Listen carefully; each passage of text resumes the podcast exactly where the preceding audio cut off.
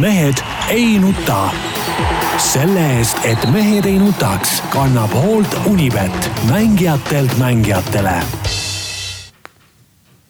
tere kõigile, kes meid kuulavad ja vaatavad ükstapuha mis ajal ja ükstapuha millistest vidinatest, ma pean vist oma näo kaamera poole äh, suunama, meil on täna ainult üks kaamera siin millegipärast. Äh, mehed ei nuta nagu ikka eetris, Tarmo Paju Delfist. tervist!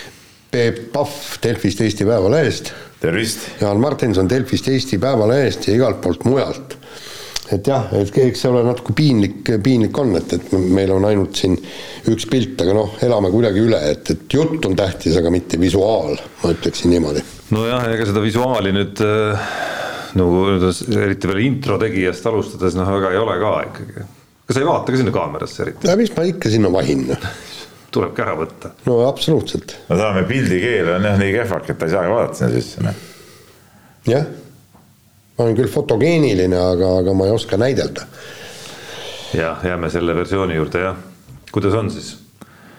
tahaks, ma tahakski alustuseks, ma siin tee peal juba õhinal rääkisin pool teed põhimõtteliselt siia äh, stuudiosse sellest, et tahaks kiita äh, seal terviseradade kodulehel üks äh, suusataja väga tabavalt küsis või ütles minu arust, et tundub, et Pirita suusaraja kes iganes seda haldab või seda rada teeb, on käinud kuskil MK-etapil kas äh, rada tegemas või koolitusel, et tõesti see ülemine või ütleme ülemine, alumise ringi ülemine osa, Kuuse ringi poolteist kilomeetrit on tõesti nagu, tundub nagu maailmaklass, et äh, eile õhtul käisin ja nagu täiesti pööraselt hea, vägev värk. tõesti kiidan, kiidan ja kummardan. et maailmaklassi eelmisel hooajal näiteks Keila rajad olid ka maailmaklass, et Eestis osatakse päris hästi radu teha tegelikult jah, aga samas äh, tuleb tunnistada, et, et meie Tallinna tänavad ei ole kindlasti maailmaklass. aga mis neil viga on? Äh, mis neil viga on? jääd täis ja minusugune vana taat kukub seal võta, võta siis kilekott äh, graniit killustikuga kaasa. ja, ja kogu aeg või, või kui hommikul pliida alt tuhka välja võtsid, võta see tuhaämber ja siis kühvliga raputa endale ette. Pole minu teha, see on linna, linnamaa, ega ma ei no aga siis kukub puruks ennast, kui ei ole sinu teha. no jaa, aga siis ma ei saa ju olümpiale minna, ise pead minema Pekingisse, mis ei noh ega ma, ma ei tea, kas sinu saatmine ongi see õigustatud üldse enam tead noh. ahah, ahah, kuule, siit hakkavad tulema meeldivad uudised see selline, see Peebul on kindlasti suur rõõm omada ikkagi sellist töötajat, kelle põhiline eesmärk on ikkagi pääseda igasugustest kohustustest. ei, äh, mitte kohustustest, aga reisidest, aga tegelikult ma ütleksin, et, et seekord Pekingisse lähe, lähen noh, niisuguse mõõduka optimisti, optimismiga ja, ja palju meeldivama tunnetega kui Sotši ja kui PyeongChangi, sellepärast et siin on meil ikkagi noh, mingisugused lootused olemas no me, me selle teemani jõuame, aga, aga kui hetkel nagu sujuvalt üritada vestlust arendada, siis, siis tõesti nagu nii põnevat nagu minekut ei ole olnudki, jah, okei okay,, meil on olnud suusatajad, kes on nagu medalikonkurentsis, Šmigunnid ja Veerpalud on ju, aga, aga nagu see, see pilt on nagu nii huvitavalt nagu laiali veel ka, et kiiruisutajatest kuni kuni siis vigursuusatajateni välja. no ma ei tea, kas nüüd ma nagu sellist erutust teiega nüüd ei jaga, et ega meil ütleme, kui Kelly Sildaru kõrvale jätta, siis meil ikka ühtegi kindlat medalikandidaati rohkem ei ole. ei, nagu ei, medalikandidaati no. ei ole, aga ma ei räägi isegi mitte sellest mäletad, me käisime Sotšis ju ja, ja see oli täielik katastroof, kui praktiliselt kõik lood olid teemal et, et ma ei saa aru, miks nii läks, et ma olin küll väga heas vormis ja kõik nii. Eesti suusatamise parim koht oli neljakümnes no. ma istun, istun seal raja ääres päevi ja päevi. terve olümpia parim koht oli kahekümne neljas, kahekümne neljas see iluuisutaja, kes, kes pääses, pääses siis äh, nii-öelda. Viktor Romanenkov või, mäletame õigesti nime või? vist küll jah, ja kes sai, kes sai nii-öelda edasipääsenutest viimase koha ja no andke andeks, see ei ole tore seal tööd teha ma saaksin aru, et, et ma ei pea Eesti ei, aga Sotšis oli muid toredaid asju. no see, seda küll. seal oli, ma ei ütleks, et seal paha oli käia, tead noh ja tegelikult seal juhtus palju, sa lihtsalt ei olnud õigel ajal õiges kohas, nagu me pärast oleme kuulnud, siis ütleme seal kuskil äh kus ta oligi seal olümpiaküla ja dopingulaborite läbi ja, seinte ja keldrite ja ventilatsioonišahtide kogu aeg käis mingisugune tegevus. ja, ja seal muidu oli ka tore olla, noh, muidu oli ka tore olla. ja tegelikult oli iseenesest oli hea. ja sa hokit sai palju vaadata jälle ja selles suhtes nagu tead, aga see ongi ainuke asi, mispärast ma nagu, miks mul on natuke kahju, et ma eh, sinna mm, Pekingisse ise ei sõida. aga no siin on tähtsamad asjad ajada, samal ajal ei saanud kandi-, ei kandideerinudki üldse sinna minekuks. Et see hokit, kui nüüd ikka tulevad päris mehed ka mängima. aga kui tulevad? kui tulevad jah minu arust see, ei no see on suhteliselt kindel ikkagi, Ei, ei, ei. ei, See on- ikka tõenäoline ikkagi, et tulevad, noh, seal ikka okay. mingid kokkulepped olid olemas, ma saan aru. kas äh, tähtsamatest asjadest rääkides äh, olümpiast, kuigi, kuigi sa oled deklareerinud siin äh, selles saate ajaloos vähemalt äh, seitsekümmend neli korda, kuidas olümpiast tähtsamat asja spordis üldse ei eksisteerigi. Ei eksisteerigi, kas ei. loen siit välja ikkagi nagu äh, väikest äh, meistriliiga unistuse nagu tärkamist pärast äh, viimase aja sellist äh, ütleme nagu natuke on võidu, võidutulpa tekkinud midagi ikkagi. neljast mängust kolm võitu viimases no, seeria, seeria on korralik. usaldus, omaniku usaldus ikkagi vaata õigustas, on ju, jah, nii on. et ei tulnud lahti lasta kohe. ei, ei saa keset hooaega ei saa niimoodi ära minna, jah, vastab tõele. aga kuidas on küsimusele vastates ikkagi? kas nagu Meistriliiga süües kasvab isu kas süües on kasvanud isu ikkagi nüüd? Ei tea, peaks veel palkama mõne hea mängija endale kusagilt, siis oleks nagu, siis võiks hakata edasi vaatama. No vaata, kui salakaval on, tohutu käib, tohutu käib. laveerimine käib, et Jah. ei, ühtegi üleliigset silpi Ei. ei kuuleks Oota, kas- ei, ei kuuleks konkurendid siit saatest. ei no ega see on teada, ega ma tean ju, kuidas ajakirjandusega ei tohi olla eriti avameelne. see on nii nagu seal äh, huvitavaid hetki tekib Kalevi, Kalev Kruusil seal jalgpalli podcast'is, kus siis on äh, spordidirektorid on seal nagu kaks tükki. siis viimases saates hakati seal mingitest noormängijatest rääkima, keda Eesti tippklubid võiks tahta, on ju. Ja siis sealt luges välja, siis näost tuli välja lugeda, kas selle vennaga kumb on juba ühendust võtnud või ei ole, selline pokkerimäng käis seal. oota, Tarmo, kas ei ole kahtlane vaikus Siim-Sander Vene ümber tekkinud või? no minu arust on ka Henri Trell kuidagi kadunud ja kas mitte ei ole Peep kunagi Trelli ikkagi nagu juhendanud mingil ühel turniiril? ühe, ühe Eibli hooaja, jah no aga ei, no ärme hulluks ka lähe, võtame asja rahulikult. no väga nii kuule, aga paneme nüüd spordiga edasi ja kaheldamatult oli viimase nädalavahetuse kõige tähtsam sündmus vormel üks tšempionaat ja, ja viimane etapp Abu Dhabis ja noh, ütleme niimoodi, et, et no maailma ajakirjandus ju kirjutab, et, et see Netflixi omanikud oma, omavad ju ka seda vormel ühte ja, ja siis ar- noh, seal arvati, et, et noh, et, et see Netflixi kõige targemad pead selles äh, nii-öelda meediamöllus on, mõtlesid välja niisuguse stsenaariumi ja kõik see oli tegelikult nii-öelda lavastatud, see, mis toimus, sellepärast et noh, viis ringi enne lõppu ei olnud ju äh, Max Verstappenil mitte mingisugust lootustki ja, ja pane tähele, kõik täiesti filmilikult, kui isegi raadio teel öeldi, et me vajame imet. ja voilà, kohe ime sündiski. Nicolas Lafitte. Ei no üks mees oli nõus äh, Red Bulli, elu lõpuni Red Bulli jookide eest siis vastu seina sõitma. just, Nicolas äh, Latif sõitis seina ja sealt algas ikka räige tsirkus pihta, mis, mis seal oli ja ja, ja ütleme niimoodi, et, et tegelikult äh, ma vaatasin eile piltide pealt, äh, Verstappen ju graveeris või, või tätoveeris endale käe peale siis äh, selle maailmameistritiitli number kolmkümmend kolm ja aasta ja kõik ta-ta-ta ja kõik selle kuupäeva, aga ennatlikult, sest äh, ma ikkagi arvan ja nüüd äh, Inglise meedias kirjutati ka, et juristid ütlevad, et, et tegelikult on Mercedesel väga suur võimalus võita see kohtu case kurat, mina, vabandust see oli vist saate ajaloo esimene minu suust, et mina küll ei usu sellesse, et, et seal nagu see variant veel õhus on. muidugi kuskil on juristid, kes alati usuvad seda ja on valmis, valmis minema ükskõik kuhu nagu välja, et, et isegi olukorras, kus ma isiklikult selles duellis olen Lewis Hamiltoni poolt, ei, ei ole mul nagu seda tunnet, et nüüd peaks kuskil kohtuseinte vahel nagu selle otsuse veel nagu ümber tegema, isegi kui ma tunnen, et tegelikult tehti nagu seal, seal selles kogu selles kaskaadis nagu liiga Lewis Hamiltonile. Nii. mida, mida, mida, mida, tegelikult, nõus, jah. mida tegelikult tehti loomulikult. muidugi tehti totaalselt liiga, aga kuskil, ma ei tea, kuu aega hiljem kuskil kohtusaalis võidetud tiitel kindlasti ei maitse ka Hamiltonile nii nagu, nagu päris tiitel maitses. Nii. ja, ja ma, ma Räägi- isegi, räägi- oota, oota, ja ma isegi nagu tahaks tunnustada tegelikult Hamiltoni selle eest, et ta, et tema vähemalt sellest rallis praegu on minu arust kõige vaoshoitum tüüp, kuigi võiks kisada kõige valjumalt. ja, ja kusjuures tema väidetavalt ütles, et, et ärge protestige, las jää, jääda nii, nagu on, aga tähendab, ühesõnaga viis ringi enne lõppu, kui Latif seina sõitis, siis äh, sööstis Verstappen rehve vahetama, sai alla tutt uued pehmed rehvid, mis oli kulunud kõvadest rehvidest oluliselt kiiremad ja, ja ainuke probleem oli, oli see, et, et viis autot oli siis nende kahe vahel.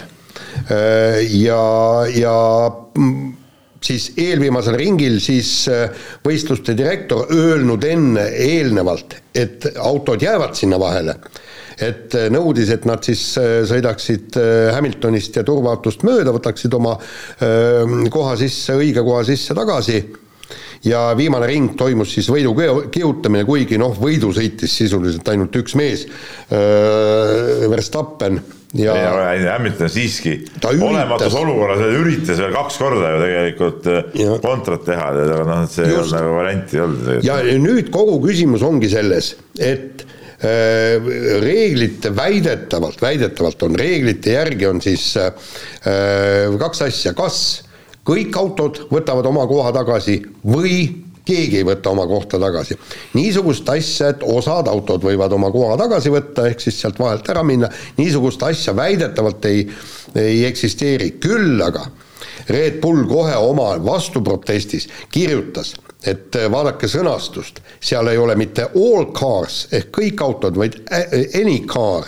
et kuidas see nüüd tõlgiti, et noh mis iganes auto umbes niimoodi mm. -hmm. et, et see asi ja see, ja seda muide kirjutavad nüüd siis ka maa, maailma ajalehed, et asi võibki minna lingvistiliseks. et, et, et see on nagu, aga äh, teine asi on see, et, et äh, võistluste direktori, kes seda kõike äh, juhib, tema sõna on turvaauto olukorras määrav ja tema on üle, sõna on ülemuslik ka reeglitest. nii et see on nüüd teine punkt. no see on muidugi kummaline, et et mingisuguse mehe sõna on reeglitest nagu üle, et see on nagu eriti, eriti äh, nagu kaheldava väärtusega nagu omakorda reegel tegelikult on ju. ja et, et noh, nendes olukordades tulevad need noh, siis nagu reeglitesse süvenemise kohad nagu välja, on ju, ja ja tegelikult näeb see nagu natukene kentsakas ikkagi kokkuvõttes välja, et, et reegleid nagu nii palju saab äh, painutada ja kuskil on võimalik nagu nii palju mänguruumi jätta ja siin on nüüd nagu kaks kaks, kaks nüanssi on ju, et esimene asi, mis jätab sellest sellise, me saime küll nagu noh, imelise spektaakli muidugi saime siia lõppu ja, ja nagu maailm räägib sellest veel ilmselt ma ei tea, kümneid aastaid võib-olla, kes mäletavad vähemalt, on ju. aga esimene nüanss on natuke see, et kuidas see protsess nagu käis praktikas, ma ise kuulasin ja vaatasin seda lõppu ja seda, seda ülekannet ingliskeelse, inglis, ingliskeelsena Sky Newsi kommentaariga ja seal ikkagi kommentaatorid väga selgelt Äh, selles olukorras, kus öeldi, et neid mahajäänud autosid ei äh, lasta sealt vahelt nagu ära, kus ikkagi nagu väga selgelt mitu ringi, äh, ka sel hetkel, kui siis Red Bulli boss hakkas seal protestima midagi, on ju, raadio teel et äh, ütlesid, et, äh, et, et sorry, aga no see ongi ainus variant, kuidas nii-öelda nagu klassikaliste reeglite järgi, selle järgi, kuidas tavaliselt kogu aeg on tehtud, see on ainus variant, kuidas veel saaks ühe ringi nagu sõita. et ei lasta neid kõiki autosid sealt ikkagi nagu Just. minna, on ju, aga see olekski tähendanud, kui oleks lastud kõik, see oleks tähendanud seda, et oleks pidanud sõitma ikkagi nagu ring hiljem oleks pidanud võidusõit lahti minema, aga ring hiljem oli finiš juba.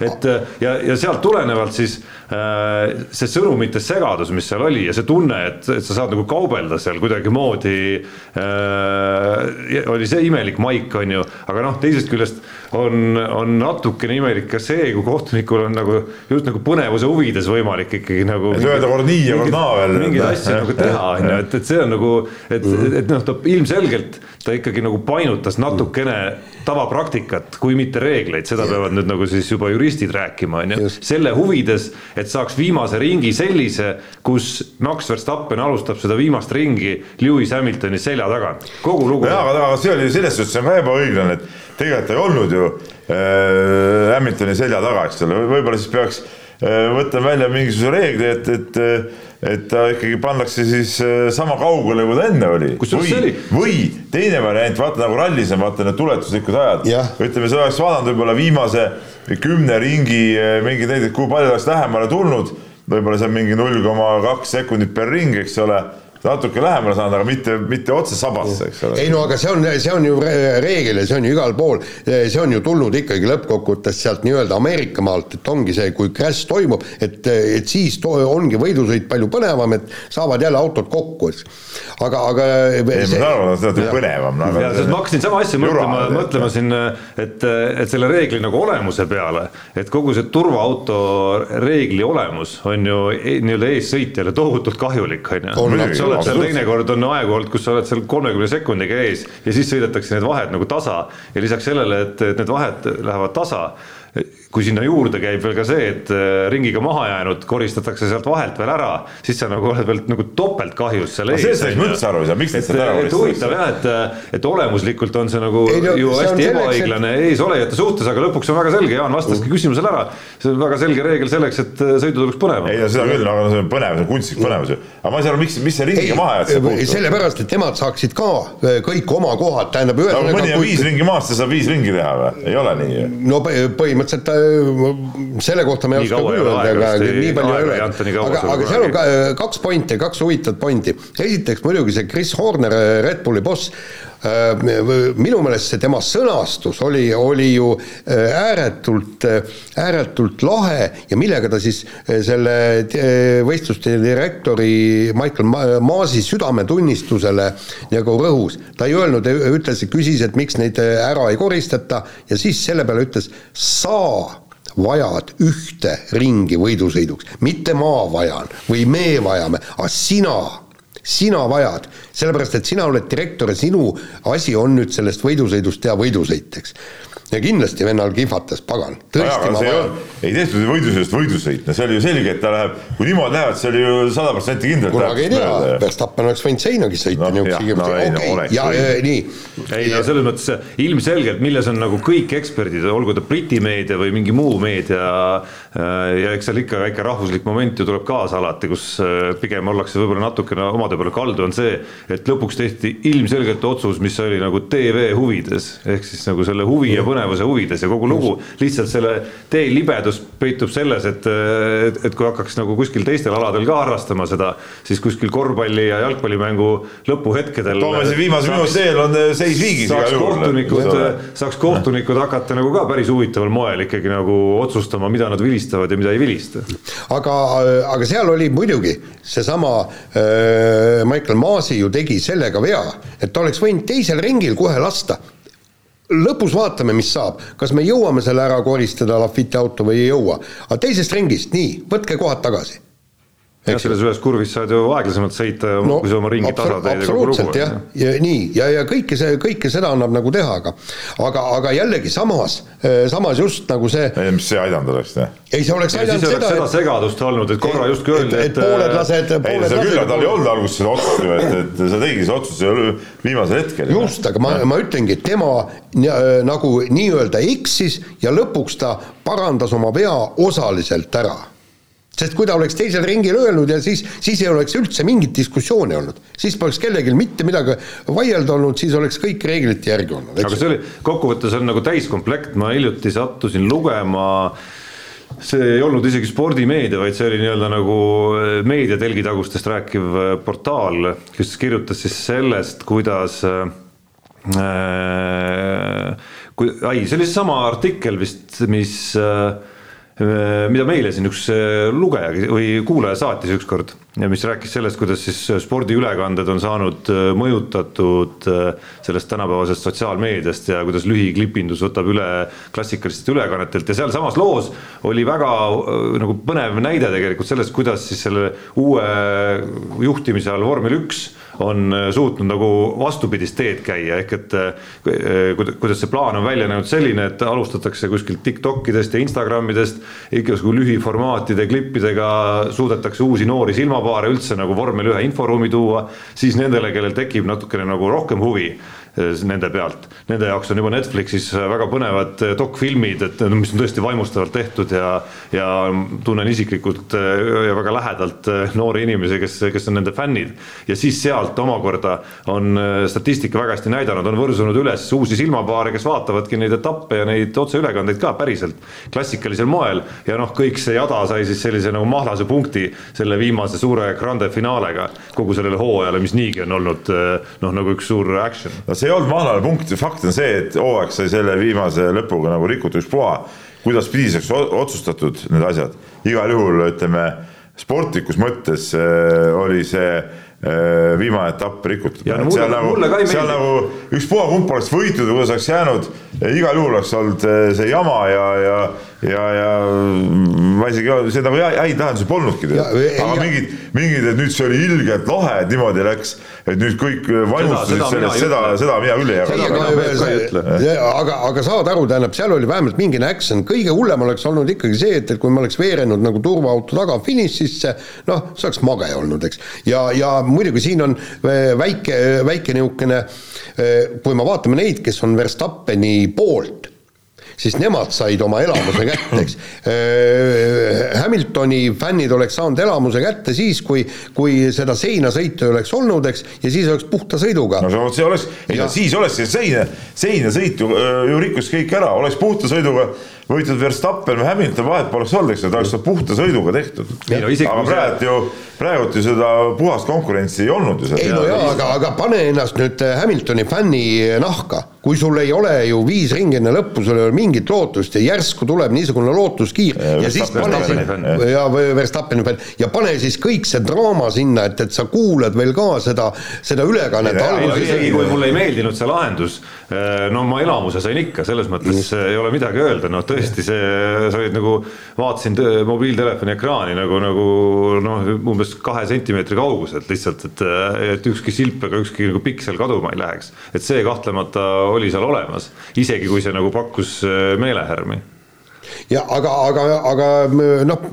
mis järeldusena nad kõik tulid, seal te- tehti kaks suurt järeldust, üks, kohtunikega ei tohiks kaubelda ja, ja tegelikult ei olekski vaja, vaja mingit eh, sidet. sinna praegu, vabandust, sinna on nagu sisse juba kodeeritud see, no ma, ma, ma ei saaks öelda, et ma olen äh, sel hooajal vormelit väga palju vaadanud, on ju, et äh, või üldse viimastel aastatel, et äh, nagu täispikkade ülekannetena, et äh, mis hetkel see raadioside siis nagu tiimi ja, ja nagu FIA vahel, et mis hetkel see on tekkinud sinna veel, et see on nagu show osaks saanud põhimõtteliselt mm, nagu ja, viimasel ajal, kuna olukorrad on sundinud, siis, siis noh, siis see, ongi nagu veel mingisugune ekstra selline, selline nagu vaatamis- või kuulamisväärsus kogu selle etenduse juures. just, et noh, et see on viimastel aastatel, nüüd see aasta on eriti palju ja teine järgmine samm võiks olla see, et äh, nad võtavad veel korraga ka liinile. Ma ei tea, seda, seda ei ole võimalik või on tehtud ka. Mhm. Ei, nad on et tegelikult nagu, näitad raadiosidet, kus nagu ma ei tea, kolm tiimi on sul korraga, kolm tiimijuhti ja siis see maasi on korraga ja siis käib üks kõva vaidlus seal. tege-, tegelikult on need Nagu väikse, väikse viitega minu meelest äh, antakse edasi. ei, ei, need ei ole ka otsesed, need ongi viited. ja viitega, aga, ja teine asi, mis nüüd on selge, et see turvaauto tagasõitmise reeglid tuleb kõik just seda nii-öelda viimase ringi öö, valguses öö, ümber vaadata sest tegelikult lõpp, lõpuks on ju kogu probleem oli see, et neid autosid ei aetud sinna kokku veidikene varem. nii-öelda ei, ei palutud mööda sõita ei, minu arust see just see reegel, et nad üldse mööda võivad sõita, on debiilne. ei, ei no see, ma Ei, leian, see reegel on debiilne. see on, see on siiski juba nagu vana ei, reegel. ma saan aru, aga olemuselt see on ajuvaba reegel. ei ole, tähendab, saad aru ei siis,, noh? kõik saavad oma mis, kohad mis, mis on mis oma kohad, tema koht on ju ringiga maas, tal ei ole mingi oma koht. ei no ta on, ta on ju selles mõttes ta on olemuslikult liidri suhtes ikka väga ebaõige. muidugi ta on aju, ajuvaba täiesti, Hamilton on ju teinud oma töö ära, et debiilne, nendest mööda reegel on saada. see. Hamilton on oma töö ära teinud, et neist mööda saada, ta oligi kusjuures just teinud selle töö ära ja Verstappenit ootas see töö just nagu ees, on ju. ja siis sa nagu lisaks sellele, et et kümne sekise vahe lased nulli, on ju, või noh, kolme või nelja sekundi peale, siis võtad need ka vahelt ja ära. ei, ärge võtke vormelilt põnevust ära, nii on õige, nii, nii, aga meil on väga palju see ei ole, vaata ei, ma ütlen veel kord, kunstlikult tehtud põnevus ei ole kunagi põnevus, Jaan. no aga ikka on ei ole, ei ole, Jaan. Adrenaliini lööb ikka üle. ei löö, absoluutselt. tahad öelda, et sul ei löönud adrenaliini üles ma ju, kusjuures ma otse ei vaadanud, ma tulin, me ju kommenteerisime korvpalli ja ma sõitsin äh, autoga koju, mul äh, poiss telefoni teel nii-öelda nagu äh, tegi reportaaži. jah, sest ma polnud aega seisma jääda, mul oli tarvis, tarvis koju jõuda ja ei no selles suhtes, et ei, no adrenaliini, aga noh, see ei ole nagu see, no see on, adrenaliin on ainult see, et milline kuradi ebaõiglus valitseb, mitte selles, et, et kumb võidab ja mis seal on, see nagu mind, ainuke adrenaliin oli see, et, et, et debiilne süsteem on. aga noh, tegelikult see adrenaliin äh, ei tulnud ainult ju selle nii-öelda viimase lahendusega, et see adrenaliin oli seal ikkagi juba nagu enne seda crash'i kümmekond ringi ka, kus, Oli, kus oli. esimene olukord, see virtuaalne turvaauto ja, ja siis Verstappeni nii-öelda nagu sundkäik, midagi peab tegema, et vahetan rehvid ära, eks ole. ja siis see, et kas see vahe hakkab nüüd vähenema ja, ja mis tempos ta hakkab ja. vähenema ja kas jõuab või ei jõua, on ju just, ja, ja sinna vahele olid pikitud Hamilton hä hädakisa, et me ei teinud õigesti ja, ja ma kaotan ja nüüd ta-ta-ta kõik ja siis noh, ja, ja siis selgub, et, et tegelikult asi ei olegi nii dramaatiline, et Hamilton tegi väga õigesti, et ei läinud rehve vahetama. no see, see oligi selle olukorra nagu, nagu dramaatika sihuke nagu noh, kui, kui, kui mõtlema hakata ja nagu järele on ka analüüsitud, et, et seal ei olnudki ju tegelikult mingeid häid variante Mercedesel ja, ja Hamiltonil selles olukorras, kus nad ees olid, selle kahe nagu. ei, see ongi noh, liidril ei olegi mingeid variante. temal ei olnud seda varianti, Verstappen pidi proovima kõike, mis võimalik on, et midagigi muuta, mingigi muutus tuua, on ju. aga Hamilton esimesena ei saanud boksi keerata, kogu lugu mõlemal korral. ei no teine kord sai, tagantjärgi võttes sai nojah, aga selle riskiga, et kui siis oleks teistsugune otsus no, ja jah. olekski turvaauto lõpp, turvaautoga koos no, veeretud, siis oleks MM-tiitli ära visanud no, sellega no tegelikult ei saanud noh no. no. julge hundiring on haamleid täis. sa ei tee sellist otsust ikkagi. aga, aga vahetame teemat, meil on talispordist äh, väga palju rääkida ja väga palju toimunud eelmise nädala lõpus. ja kust me siis alustame, alustame võib-olla kodusest äh, Otepää MK-etapist kahevõistlejatele, kus äh, Kristjan Ilves esimesel päeval tegi tubli suusasõidu, aga, aga hüppemäel põrus. teisel päeval Äh, tegi väga tubli hüppe ja, ja suusarajal siis tuli kohale kaheksandana. no ma ütleks nii, et see esimese päeva tubli suusasõit on ikka natuke tinglik, sest selge see, et ühistardis sõidus seal grupis püsida on igal juhul lihtsam kui, kui viitstardis saad kuskilt välja minna ja kedagi taga ajada või oma kohta hoida, et, et, et noh, see tegelikult see, see sekunditesse vahe, noh, see ei olnud nagu päris, päris õige. Nojah, kuueteistkümnes koht ja kaotust üheksa koma üks sekundit ja. Äh, võitjale ehk siis Jarl Magnus Riiberile, aga, aga tegelikult vot see inimpsüühika äh, on, on ikka täiesti kummastav. sa suudad sõita äh, Riiberiga samas tempos, kusjuures täiega suusatavale, suusatava Riiberiga samas tempos ja siis, kui tuleb see viitstardiga sõit ja siis sa suudad nippa-nappa sõita nii-öelda nõrgema seltskonna tempos, kuigi sul on sul on seda jõudu kuskil olemas, aga huvitav, et sa, sa ei suuda seda ei, ei olnud see grupp, no ei olnud see nõrgem, ei, ega see grupp nüüd nii väga nõrgem ei olnud siis seal ei, grupis, suures grupis on igal juhul mõne... lihtsam sõita, saad aru sellest ja siis Riiber ei saa ka eest ära, teised teevad ju tööd järgi, seepärast ta ei saagi eest ära üksinda. ei, ma, ma veel kord sulle Siim räägin. psüühika puutub seda puutub sellesse, et kui Kristjan, Kristjan Ilves jääb kuhugi tagumisse gruppi, mis liigub aeglasemalt kui esimene grupp no nüüd ta suutis esimese grupi tempot hoida. no jaa, aga sealt tagumisgrupist esimesse ta ei suuda ju tulla, see on loogiline. no jaa, aga ta, ta vajub ka teisest grupist läbi no läbi ta otseselt ju vajub sinna lõppu ju. aga jah, ta päris seal grupis nii-öelda nagu esirinnas ei suutnud püsida, et noh, see oli, me siin saade või kaks tagasi. kuueteistkümnes koht ei ole ka mingi esirinnas püsimine. aga noh, me saade, saade või kaks tagasi just rääkisime sellest tema potentsiaalsest eh, nii-öelda stsenaariumist, kuidas ta poodiumile peaks kerkima, et tegelikult see Otepää pühapäevane võistlus oligi nüüd täpselt see unelmate stsenaarium, mida me peame lootma, ma ei tea, olümpiamängudel või mis iganes MK-etapil noh, kus tal üldse tekib variant, et need grupid peavad moodustuma selliselt, et ta saab tulla finišisse ja võidelda kas teise, kas esimese, teise või kolmanda koha peale või kõikide nende peale. ja see oli tal tegelikult olemas, edasi on küsimus, kuidas ta seal grupis suudab endale küünarnukkidega kohta välja võidelda, kuidas tal jalad on, käed on äh, ja kõik asjad no,. ma nägin selle sõidu, nägin selle sõidu lõppu juba staadioni laskus ta küll mingit varianti nagu ei olnud, ei olnud, ei olnud, tal ei, tegelikult ei olnud, see kaheksas tuli ka sellepärast, et seal kukkusid mehed. nii, aga, aga, aga nüüd vaadake seda jälle sõiduaega. see, vot see sõiduaeg oli täiesti hämmastav. me, me ju kogu aeg oleme rääkinud, mäletad, hakkas pihta, et kõigepealt ta oli kaks pool minutit kaotas kiireimale, siis suutis kahe minuti sisse sõita, nüüd me rõõmustasime seal äh, Rugal, et ta esimest korda oli kiiremast ainult alla minuti maas, mingi üheksakümmend kolm sekundit. Ja nüüd tada, kolmkümmend seitse koma sekundit kiiremale, no see, see on ju hämmastav areng. aga ainukene, ainukene on see jah et ta suudab sõita küll, aga lõpus on tal ikkagi kummid nii tühjad, et ta ei suuda seda lõpus prutti teha.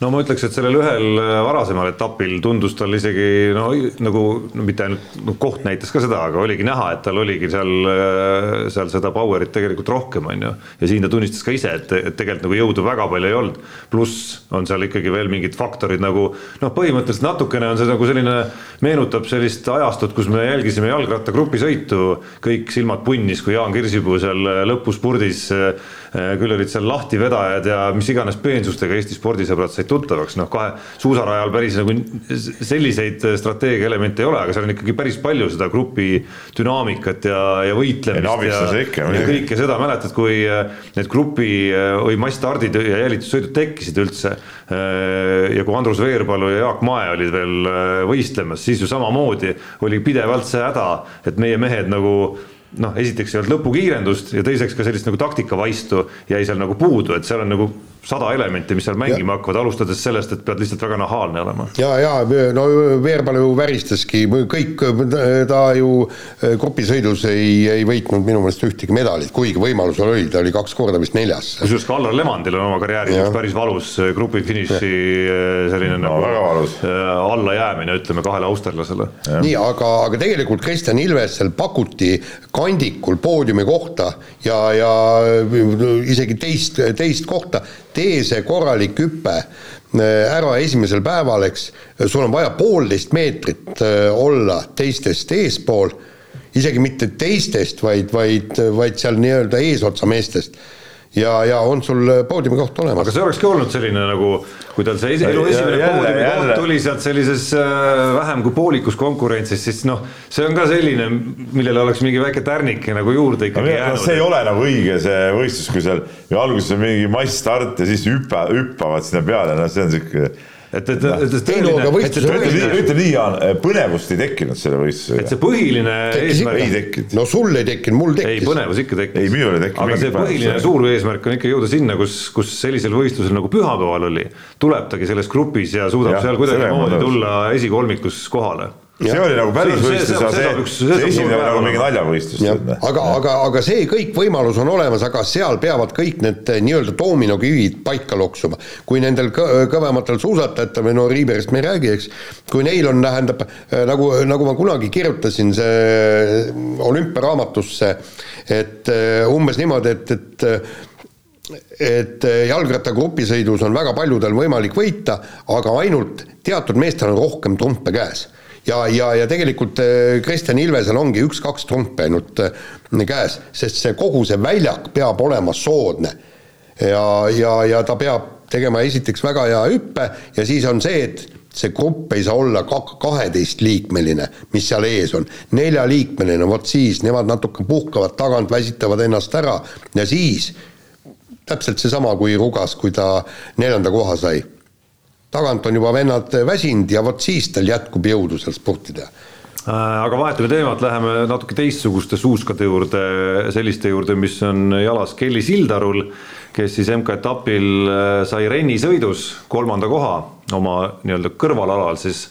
Ja noh, küsimus on, mit-, mitme medali järele Kelly siis läheb? no ma siin äh, tsiteerin või, või edastan meie Kelly spetsialist Madis Kalveti arvamust, et minu arust nagu, ta ütles minu arust nii, et rennisõit on vist kõige, kõige loogilisem nagu see medali saamine tegelikult üldse olümpiat ja ei no aga pargisõidus ka kindlasti, aga ei no rennis ei, ma ei oleks ei, nii kindel. seda renni pidas just kõige, kõige, kõige tõenäolisemaks. jaa, aga tegelikult mis see loogika seal taga? loogika on see, et lihtsalt see on, esiteks seal on konkurents kõige hõredam, noh, et, et et ja, ja see ütleme, pargisõidus seal tulevad ikkagi, kui seal on mina saan aru, et kui seal tulevad need äh, pikemate vahedega need hüpped, eks ole, et siis teiste hüpped on, on kõvemad, sa oled sealt rohkem pundi. jaa, aga tegelikult oleks Kelly ju selle ära võitnud, kui oleks minu meelest ära võitnud, kui oleks kasutatud olümpiasüsteemi, ehk sul on kolm laskumist, millest kaks paremat lähevad arvesse.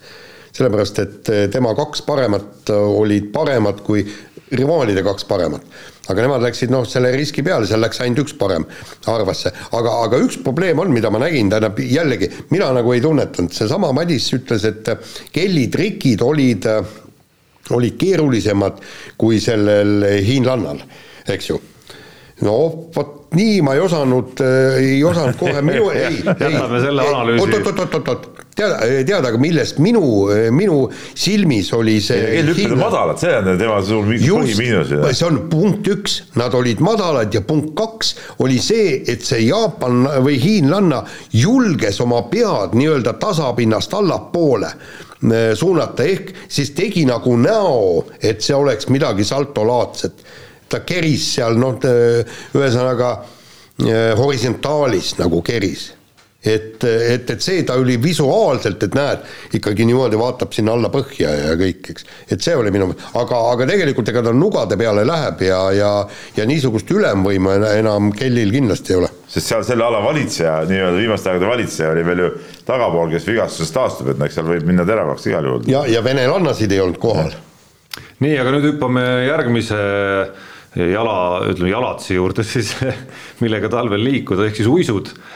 Martin Liiv on tõestanud hooaja esimestel MK-etappidel, et väga selgelt kuulub ta tuhandes meetris maailma esikümne, et mitte öelda isegi esikuuiku sekka praegu. no praegu see viies koht tegelikult seal hollandlasi ei olnud, eks, et, et me, mis ta nüüd Kalgaris sõitis, aga aga esikümnes on tõesti, koht on, koht on nagu nii-öelda praegu tundub, et on ta naelaga sinna, sinna kenasti kinni löödud ja ja, ja tegelikult pronksist, mis ongi, no, no ei ole eh, eriti palju maas, aga piisavalt aga palju. hetkel ikkagi nagu piisavalt. kätte ka ei saa, jah, täpselt. hetkel ikkagi piisavalt, et kordagi ei ole kätte saanud seda. ja, ja eile rääkisin Martin Liiviga ja siis ta ise ütles niimoodi, et medal on võimalik siis, kui mina teen endast parima ja ees need staarid, keegi ebaõnnestub, niimoodi, et, et noh, põhimõtteliselt noh ta ise, ise arvab ja loodab olümpial mingi niisugune neljas-viies, eks nii, ja, ja kui kuskilt sealt eest keegi seal noh, natuke komistab ja kõik, vot see tähendab. seal on alati kukkumisohud ja kõik on olemas, eks. aga ta peab olema igal juhul eh, medaliks valmis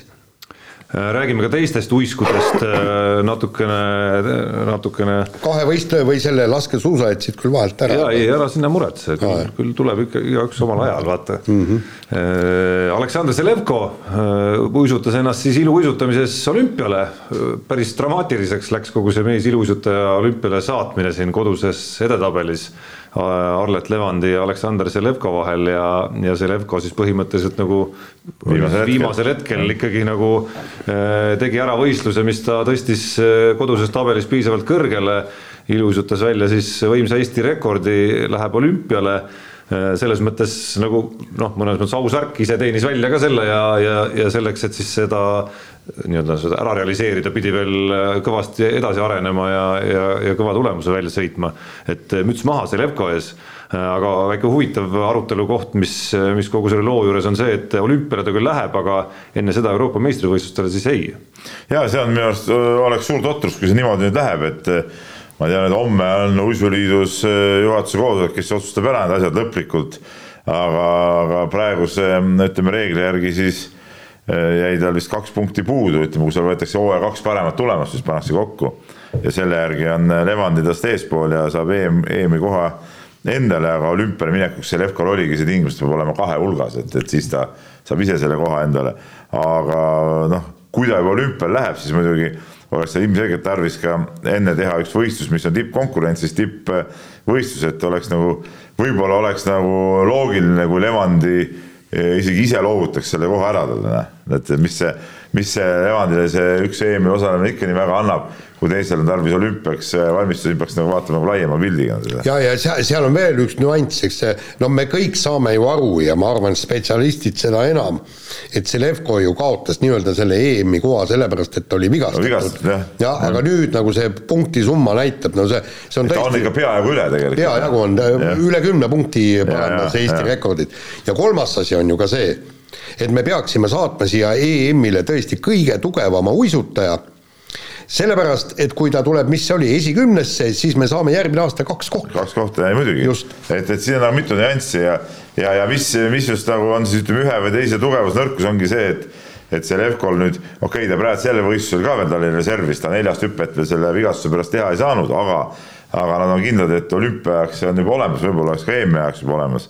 aga, aga noh, Levandil neid nii raskeid hüppeid üldse ei olegi ja seal ongi see see häda, et tema, tema hüpete arsenal on nagu, nagu esialgu, no ta noor poiss ka alles, et noh, ta alles ju õpib ja areneb, eks ole aga esialgu see hüpete arsenal nii tugev ei ole. no samas öelda, öelda nüüd Arlet Levandile, et kuule, sa peaks ise nagu loobuma selle otsuse tegema, et äh, ma ütleks, et see otsus peab ikka tulema kuskilt mujalt, et, et seda korraldavad teised inimesed, kes, kes vaatavad, mis on nagu üleüldiselt loogilisem, parem ja millised need reeglid oleme teinud ja millised peaks tegema, et minu arust ei peaks seda nagu Arlet Levandi enda peale panema. ei no see, nad tunnistasid ka, see alalise peasekretär Jana Kuula tunnistas ka, et et reegleid eh, tehes me oleks pidanud nagu mingeid teatud detaile ette nägema võib-olla ja, ja oleks pidanud teistmoodi seda tegema. ja aga, aga selle nii-öelda Arlet Levandi ehk siis kõikide nende olukordade juures, kus kas ise loovutada see koht endast oluliselt tugevamale või mitte. no oluliselt on väike selline. ei no,, ta ei, ei, ta ei ole. kümme palli on ikka, ei kümme palli on ikka oluliselt suur, tugevam. nii, aga okei okay,, endast tugevamale, olgu sellega, kuidas on, siis tegelikult alati tuleb vaadata tulevikku. äkki seisan mina ka üks, ühel hetkel selles samas olukorras no et tuleviku õppetund, ma loodan, kõigi jaoks on see, et, et tuleb reeglite tegemisel natukene nagu läbi mõelda kõikvõimalikud olukorrad, mis juhtida. ja, kui praegu niisugune olukord on, siis peab mõtlema selle peale, kuidas me saaks olümpiat kõige parema tulemuse kätte, selles on vist asi. Selle vastu ma ei vaidle, nii Jaan, no sa hirmsasti tahtsid ikkagi laskesuusast ka natuke. väga ei tahtnud, aga, aga ma vaatasin, et sa oled vahelt no, välja jätnud. punktuaalne nagu oled. punktuaalne ja, ja ikkagi, ikkagi ma isegi rohkem kui laskesuusatajat tahaks tervitada meie murdmaasuusatajaid hoopis kes siis on, eh, ütleme. oota, võistlesid ka või? Nad võistlesid ka jah. meie suusaekspert Martinson. ei, ei Martinson teadis, see oli, see oli teatraalne küsimus meile mm, -hmm. eile arutlesime sel teemal, tegelikult pean tunnistama, et, et eh, no seal on asi nüüd nagu täitsa nässus või? no see, seal tundub, et ei saa. Marko Kilp, ütleme hooaja alguseski oli, oli kuskil seal edasipääsu lähedal, siis nüüd minu arust ta kaugemale jääb sellest. no oota, olümpiani on aega kaks kuud ei, mul on alati see küsimus, kas Kläbo olümpial ei stardi või? ei, stardib küll, aga, aga no, no jällegi, no me ei tea, olümpial selgub. no tavaliselt on selgunud, et, et, et jõuvahekorrad ei muutu nagu olümpia jaoks. jah, või kui muutuvad, siis elu on näidanud, et, et asjaolud on kahtlased. jah, need asjaolud on kahtlased, jah. nii on mm nii, no okei okay,, tervitame siis Tuuli Toomingat vähemalt, et äh, laskesuusa MK-etappidel ilmselgelt on nagu paranemismärke suusatempos näha. Äh, see jälitussõit oli ja ka teatesõidud olid tegelikult noh, täitsa, täitsa nagu ütleme, ma ei, ma ei hakka siin rääkima, kuidas meil hakkab siit kuskil medaleid sadama ja nii edasi, aga, aga vähemalt on paranemismärke. paranemismärke on, aga tervikuna ma ikkagi aru ei saa, mis seal, midagi seal ikkagi pandi kõvasti puusse, kui vaadata nüüd neid ülejäänute tulemusi ja okei okay,, jätame meestest Rene Sahkna kõrvale, kes on natukenegi midagi suutnud sõita, siis kui ülejäänud mehed on seal tagapool üheksakümnendat kohta stabiilselt, no siis no seal taset üldse ei ole ju jah, ja, ja, ja jällegi tekib küsimus, millega on tegeletud, eks ju no,. tuli küll mingi uus peatreener, pani nii-öelda suusatehnika paika, aga nagu aeglaselt muutuvad sellest, et noh. et see, see, see oli ju see tegelikult mm, oli Karel Tammjärvega oli ju mul äh, see intervjuu sealsamas Sotši olümpial, kui, kui sealt jälle midagi ei tulnud. ma küsin, kas te trenni teete üldse või? ei no muidugi teeme no kuule, aga treening peaks paremaks tegema, sa teed trenni, aga lähed kehvemaks, kuidas see on võimalik, selle peale laiutati käsi, ei tea no täpselt sama küsimus on ju laskesuusatajal. tuli pärast välja, et ei olnud veel piisavalt aineid sees. Jah, ei, aga, aga see sama küsimus laskesuusatajat, kui te trenni teete, te peate ju saama paremaks, aga te ei saa milles on küsimus ja muidugi see meeste laskesuusal, vot see, et, et okei okay,, kui nad jäävad olümpialt välja, nad ei saa mm, täissatsiga sinna peale minna. noh, ühest küljest noh, ikka juhtub, aga kui me vaatame seda ketti üheksakümne teisest aastast peale on meil kogu aeg olnud vähemalt neli mees, meest peal, me oleme teadet saanud sõita ja nüüd nüüd see põlvkond, sina oled selle põlvkonna esindaja, kes selle keti, keti ära katkestab ja see ei ole tore. nii, aga lähme nüüd äh, natuke toredamate spordialade juurde ka, korvpall, kuigi tulemused nii toredad ei ole, kui ala eeldaks. Ja Kalev Cramo käekäik äh, meistrite liigas, siis sai eelmine nädal noh, sisulise lõpu, kuigi üks mäng on veel mängida Bursa Tohvasega, oli siis nii-öelda elu ja surma peale mäng äh, Strasbourgiga kodus ja, ja oli tarvis noh, võitu või, või veel parem neljapunktilist võitu, aga ei, ei tulnud seal mingit võitu, et et ütleme, varianti eriti ei tekkinud tegelikult. jah, ei tekkinud jah, ja üks mees hoolitses selle eest ikkagi mänguga, mida ta nüüd nagu kusjuures ma ei saa isegi öelda, et mida ta iga päev ei tee, sellepärast et nädalavahetusel Prantsusmaa liiga mängus mängisid nad Monacoga, Euroliiga klubiga. Ja ka selles mängus vedas seesama John Robertson äh, Strasbourgi noh, natuke sarnasel moel nagu Kalev Cramo vastu, et äh, ma jään nagu selle juurde ühest küljest ikkagi, et äh, mina olen nõus nendega, kes ütlevad, et et noh, Cramo jaoks sellel tasemel on e-, eneseületust päris palju vaja, et, et nagu nagu rohkem saavutada, et edasi saada. tõsi, see jäi nagu nii, et, et seda eneseületust oli nagu nii vähe tegelikult vaja võrreldes sellega, mis nad tegid, et ühest küljest oli alagrupi turniirile pääs juba kõva sõna, teisest küljest see hästi totakas Oostende mängu lõpp see, see oli mäng, mis oli võidetud tegelikult ja, ja siis see Strasbourgi mäng ka, mis oli ka tol hetkel võidetav.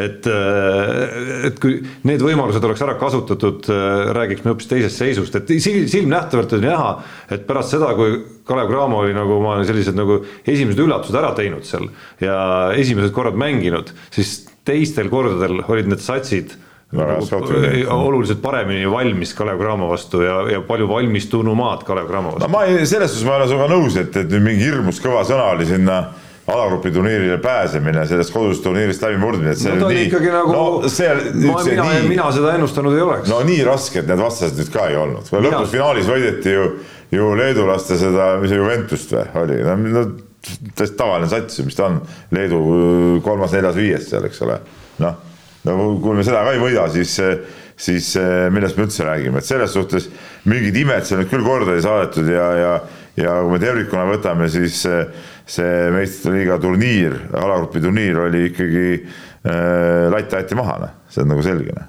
latt aeti maha, eriti selles võrdlus, kui meil on praegu alade võrdlus, kuidas äh, Flora mängis siis jalgpallis seal konverentsiliigat. said edasi? või ei, ei, ei, seda ma tahtsingi öelda kuigi ka tulemust ju ei tulnud, et tulemuse poolest äh, ei ole nagu vahet, eks ole, aga äh, nad olid nagu rohkem kuidagi konkurentsis kui, kui Kalev, no midagi mina teha. küll nõus ei ole sellega omakorda, et Kalev Cramo ühest, põhimõtteliselt ühe otsuse kaugusele, et võita ka Ostende ära selles kodumängus ja, ja me räägiks juba kahest võidust, on ju, ja siis no. umbes paarist kümnendik sekundi kaugusele, et võõrsil see Strasbourgi mäng kätte saada. oleks on oleks, kas sa eile vaatasid no. Leotovas Ritase Äh, mängu sakslastega või? ei, ei vaadanud no,, aga, aga sama, Floral, Floral... sama sari ka seal olid samasugused oleksid, aga Ritas võitis ühega kõik, üks võidab, teine kaotab. ei ole ka neid oleksid, et ma ei näe, kuidas sa nagu selles võrdluses äh, ühe paned nagu latti maha ajama ja teise mitte. no, seepärast, et äh, minu silmis on nii. Ja, ja teine jutt, kõik siin see, see mingi tramburai, et oh, hakkame lõpuks eurosarja mängima ja, ja ilgelt põnev ja jube äge värk ja ma ei tea, kedagi ei huvitanud ju. publikut ei olnud ju, mitte kedagi ei huvitanud need mängud ju kokkuvõttes, null. No null, kas, kas VTB mängudel rohkem publikut? no sama. Ja ei huvitagi. Ja ma ütlen nii, ega Eestis ei olegi enam mingi korvpallirahvas ju no, see jutt tuleb üldse ära unustada. koondise mängul oli maksimumarv kohal. mis see koondisse puutub? miks ei puutu? kuule, koondis käib kaks korda aastas koos, see ei ole üldse teema, seda, kas see, kas see ala läheb inimestele korda, sa vaatad ikka sellest palju igapäevaselt eh, publikut on, vaata, mis toimub, vaata, mis toimub Pärnus eh, koduliiga mängudel isegi Raplal on pooltühi saal juba rääkimata muudest ja nüüd siis Kalevil suured ägedad mängud.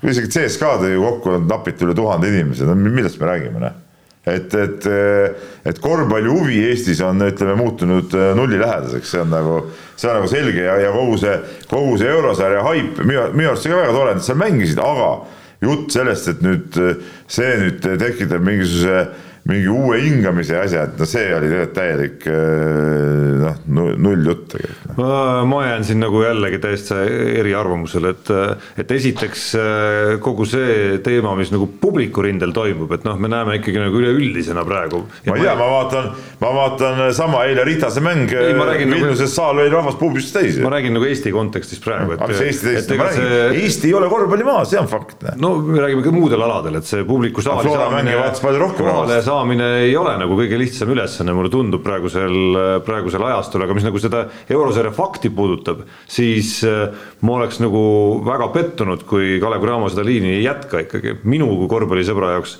andis see nagu hoopis nagu uut mingisugust nagu hingamist päriselt andiski nagu juurde. ei, mulle ka meeldib, kuidas sa mängid. ja ma loodan väga, et äh, järgmisel hooajal noh, teadmata, mis faasis nad äh, mingite ranking ute ja otsuste põhjal saavad alustada et äh, isegi kui neil äh, seisab taas ees see variant, et nad nagu peavad alustama alagrupi või sellelt valikturniirilt, et siis nad seekord teevad ka selle nagu nii-öelda varusammu, et kui nad sinna ei pääse, siis mängivad seda nagu aste madalamat sarja noh, kasvõi selle nimel, et äh, üritada see ära võita lihtsalt, tiitli peale. ja, see võiks olla ka stiimul, ma arvan, mõne võib-olla Eesti ägeda kossumehe koju toomiseks. ja, ei mulle ka meeldib, kuidas nad mängivad, lihtsalt on rohkem rahvusvahelisi mänge ja huvitavaid mänge, see on nagu kõik õige, aga, aga ütleme mingit sihukest asiotaaži selle ümber küll ei tekkinud ja, ja ja ma, ma arvan, piisavalt palju korvpalliringkondades ka sees, et seda tunnetada, kas on asiotaaž või ei ole. ei no seda on tribüünilt näha jah, et selle vastu ei saa ka mina vaielda, et, et ma ootaks või oleks oodanud ja ootaks ka edaspidi ka VTB mängude puhul, et,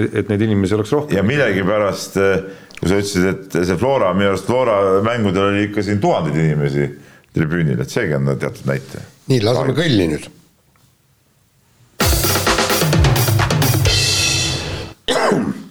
nii äh,, räägime ka kohe Florast ja äh, viimases konverentsi äh, liiga mängus jäädi Gentile alla, vastased lõid värava suluseisust. ja, ja Flora hooaeg lõppes ja, ja kõik kiidavad, särav hooaeg ja kõik ja me Peebuga siis hakkasime jalgpallispets Madis Kalvetiga siis nüüd vaidlema, et oli siis särav hooaeg, mida võideti? Ei no ei, ma põhiküsimus see, et kumb see kõvem sats, kas Levadia või Flora, eks ole. ja, ja minu arust eh, ega Flora ju eh, ei võitnudki midagi, oota mingi liiga karika võitsid või mis asja nad võitsid? ja liiga karika oli võitnud jah. et, et eh, kokkuvõttes nulliring Flora jaoks tegelikult selles, mis hooaja eel on see mingi superkarikas, kaotati ei, selle, selle, selle nad vist võitsime. või mingi, ei ühe karika nad võitsid, ühe kaotasid Florale. jah, ei, aga see, see päris karika kaotasid Levadiale. Levadiale, nii kaotasid. Tšempioniks ei tulnud, otsustusmängus ei suutnud midagi ära teha. Äh, eurosarjas äh, alagrupist edasi ei saadud noh, sest nad alustasid ju tegelikult, nad ju seal mingite kaotustega kukkusid sinna kõige mudasemasse sarja ja siis sealt alagrupist edasi ei saadud.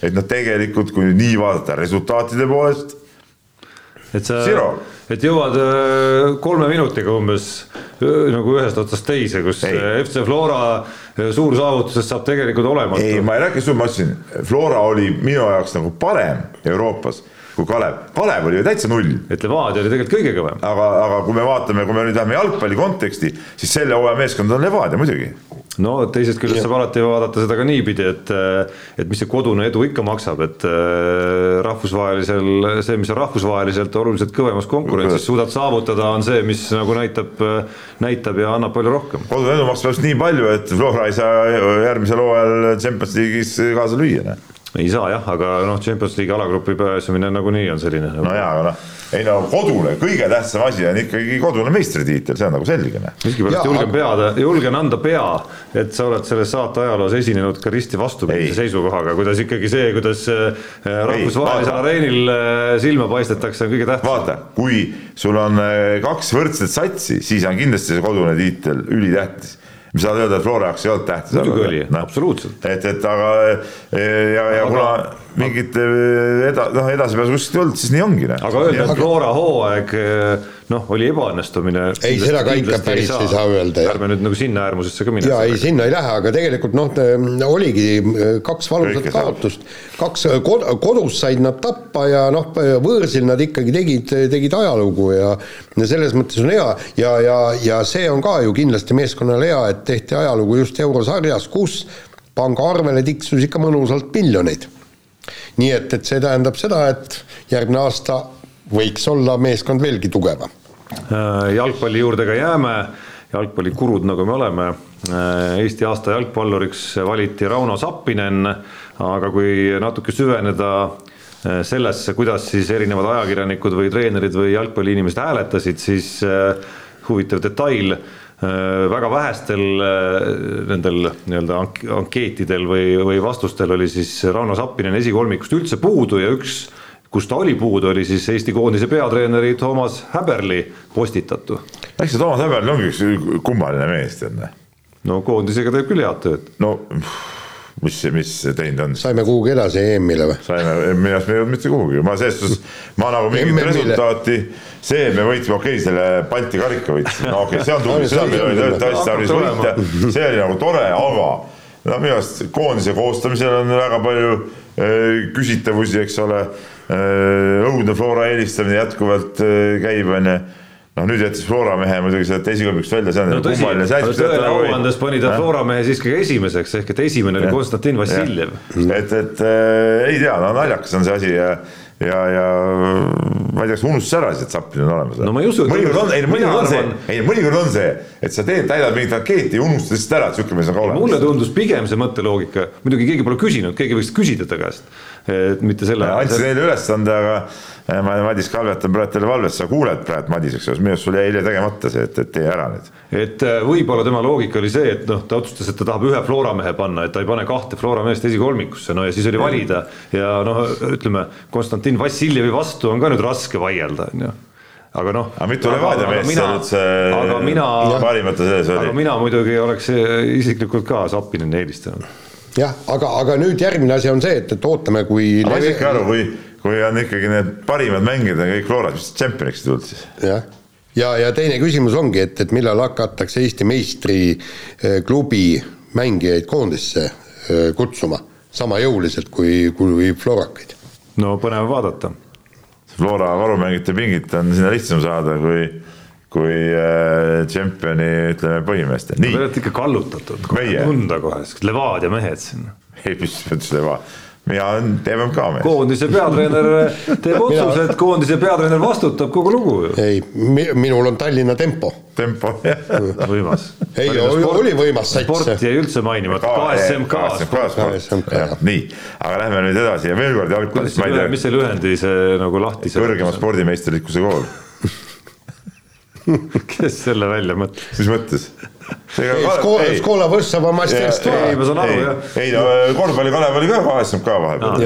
jah, see on, selle kaudu tulid teatud rahalised vahendid nii, aga lähme nüüd ja meil on, ma ei tea, kes neid teemasid kokku on pannud ja veel üks jalgpalliteema siia otsa. no sa oled ju Kuru jalgpalliteema. ja, ei ma Kuru ma loomulikult olen sest ma võin praegu peast suhteliselt ette lugeda näiteks kaheksakümnendate aastate Nõukogude Liidu jalgpallikoondise koosseisu. vot, ehk siis Nii. seda sa võid teha siin eetriväliselt pärast, aga küll sa võid kuruna kommenteerida meile. väravas Renat Tassaev, kaitses Dengis Sulakvelitsa, Aleksandr Tsivatse ja nii edasi, nii. Sergei Frantsevi lahtisaamist Nõmme kaitsest kommenteerida. las ma nüüd, las ma nüüd loen oma teema ette. ma andsin sulle võimaluse eksperdina ikkagi nagu särada praegu, et juhatan ise.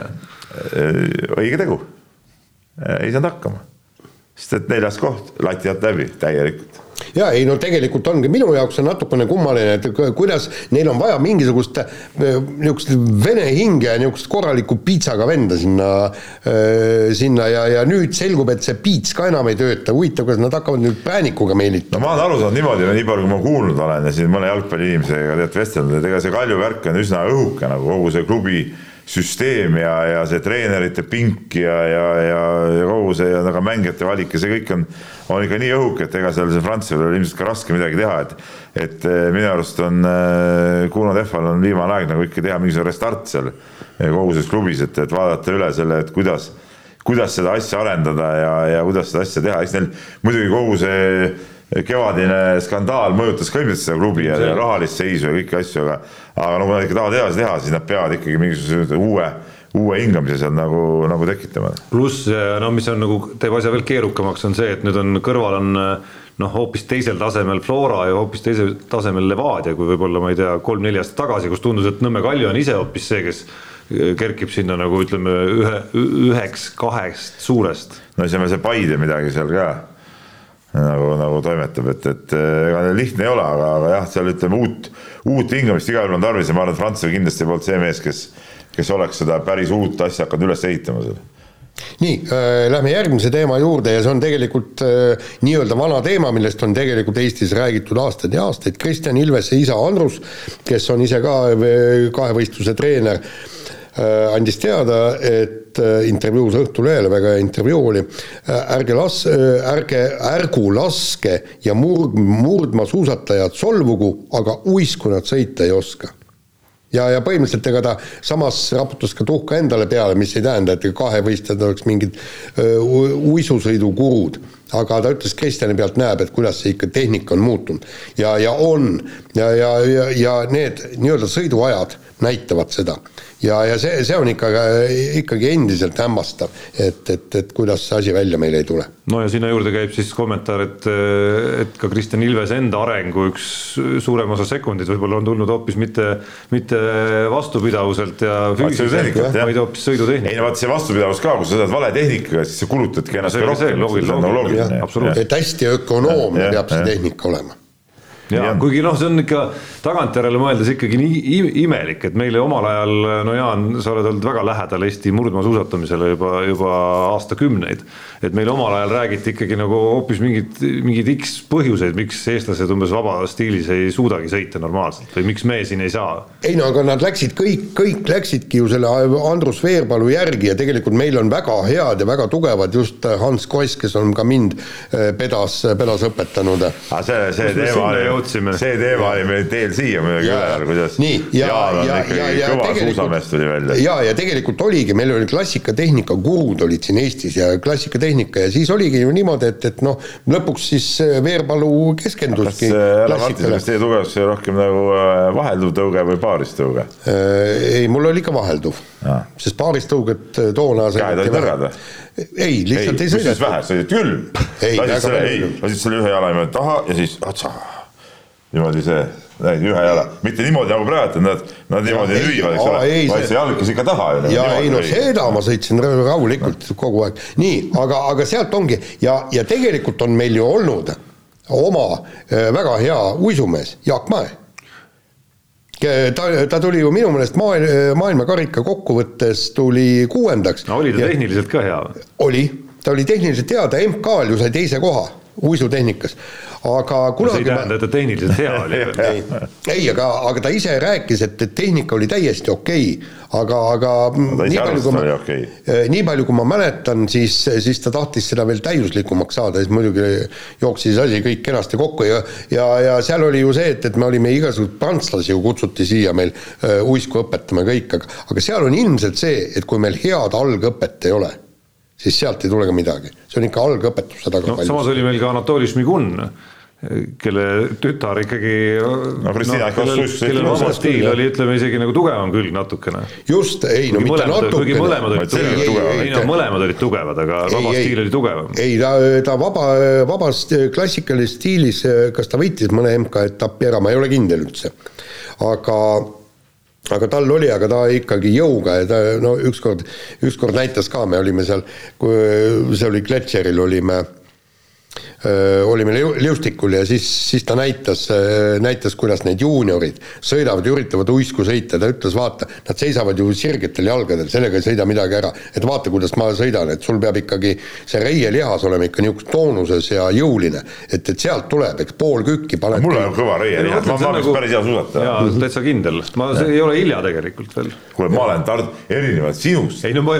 olen ma Tartu maratoni no, korduvalt läbi. ma ju ülistasin lihtsalt praegu, no ma ei kusjuures õige õiges tehnikas. õiges tehnikas, mitte selles uus, mis sellest uisust üldse räägime, noh, see ei olegi mingi suusatamine, noh. aga tegelikult ikka ma ei, ma ei saa välja sellest, see on ikka müstika, noh. Et me räägime siin ju mingist kahekümne, kakskümmend pluss aastast umbes ja sellisest tõdemusest, et, et mida siis nagu tehtud on või kuidas see niimoodi on lastud minna, et maailmas seda nagu ekspertteadmist ja suusateadust ja kõike, kõike noh, ma ei öelda vedeleb, aga no on võimalik ju minna ja näed ju telekast tehniliselt isegi kogu aeg, kuidas norralased sõidavad, kuidas ma ei tea, sakslased sõidavad. et kuidas seda sellest nagu killukestki siis nagu meil ei ole suudetud juurutada, et igal alal me näeme, kuidas ma ei tea, jalgpallis käiakse rahvusvahelistel koolitustel mingitel treenerikoolides, mis iganes kohtades. no meil oli oma oli samamoodi on ju, et, et kus siis nagu, kuidas nagu Eesti suusatamises nagu mitte midagi ei tehtud? no ei tea, siiamaani ei tehta, ma, ma mäletan, see oli, see oli, pakun välja viis, kuus, seitse aastat tagasi, kui soo-, soomlased äh,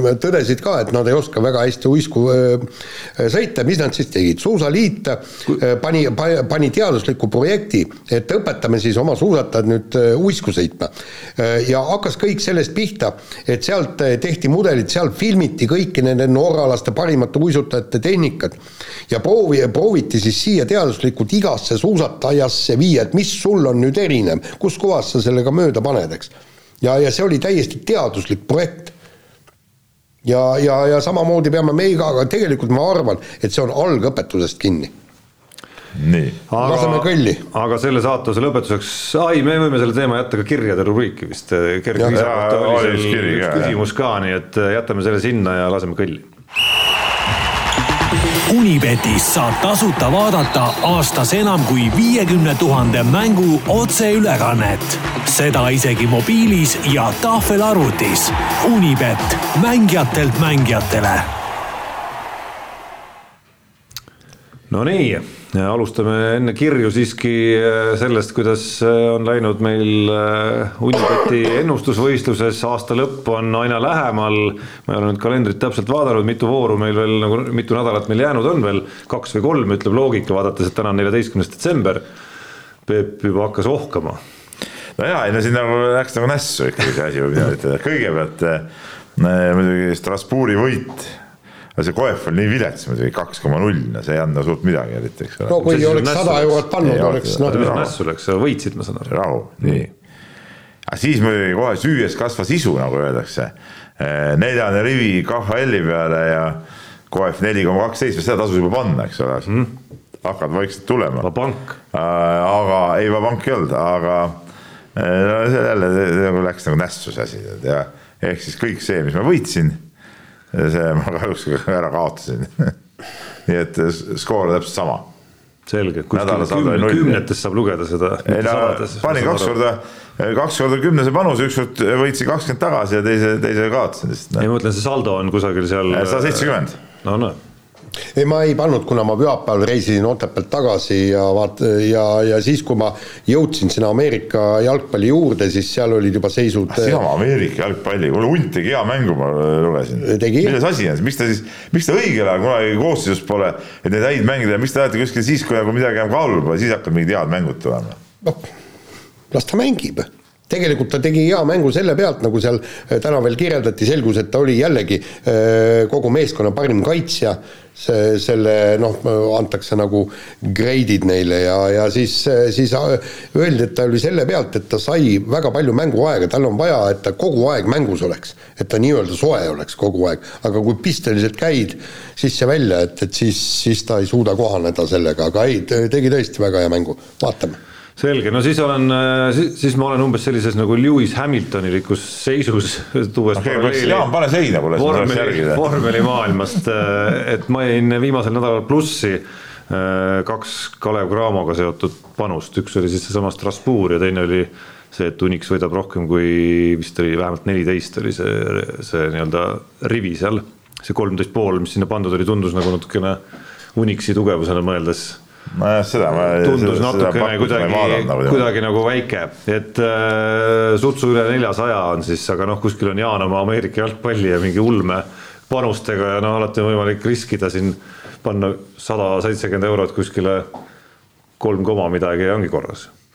nojah, ei muidugi on äh, uue nädala mehe tunnuta eripanus äh, puudutab seekord laskesuuska, kahjuks küll mitte eestlasi, aga aga legend Johannes Tignes Pööl hooaja algus pole võib-olla päris, päris see olnud, nii et. no teates tõi võidu. nii et saada, saada panustada sellele, et ta lõpetab esikolmikus koefitsiendiga kaks koma kakskümmend viis, Annecy sprindis äh, ei ole kõige tavalisem isegi kirjad. jah, nii kirjad, kirju on palju, aga ja üldse kella, kell on ka päris kaugel, aga täna hommikul just äh, tööle sõites rääkisin Reinar Allikuga, kes on ka suur autosõitja, ta ütles ka, et ikka pikemaks, pikemaks, ja pikem saade, seda parem, et ta sõidab palju autoga ja hea kuulata. ta iga kord toonitab seda, kui me räägime. et, et siis Reinari auks, täna siis äh, teeme pikema saate, nii, aga võtame siit kirjad ja, ja Jaan Mae kirjutab sellise asja, et millal muutuvad naiste ja meeste laske- ja murdmaasuusatamisdistantsid võrdseks, nagu on kergejõustikus jooksudistantsidel? Et, et Peebule meeldiks võrdõiguslikkus? No.. Äh, oli, oli see teema täiesti üleval äh, käesoleva hooaja alguses ja, ja seal oli siis äh,, oli kaks leeri, üks oli ma ei mäleta, kes see oli ka, jaa, rootslased nõudsid, et teeme kõik sama. Soomlased olid vist kahe vahel, aga norralased ei tahtnud ja, ja, ja siis öeldi, et kuulge, et, et kui me teeme nüüd et kolmekümne kilomeetri asemel viiskümmend kilomeetrit, siis Therese Johaug võidab mitte viie minutiga, vaid kümne minutiga. et keda see nagu huvitab, aga, aga seal nagu praegu mõtlevad jah, mõtlevad täiesti tõsiselt see, sellest, et, et tuua need distantsid samaks ei no aga vahe ongi ju ainult ju. ei ole, kümme ja viisteist nad sõidavad ju ka. ah, kümme ja viisteist ka. siis juhtub ka, ju hoopis teine asi, siis juhtub see, et naiste sõidud on pikemad ajaliselt no jaa, aga no mitte. kergejõustikus need jooksud on ka pikemad ju. no just. sest ega naine ei ole loodud jooksma sama kiiresti. miks nad rohkem äh, saavad eetriaega siis?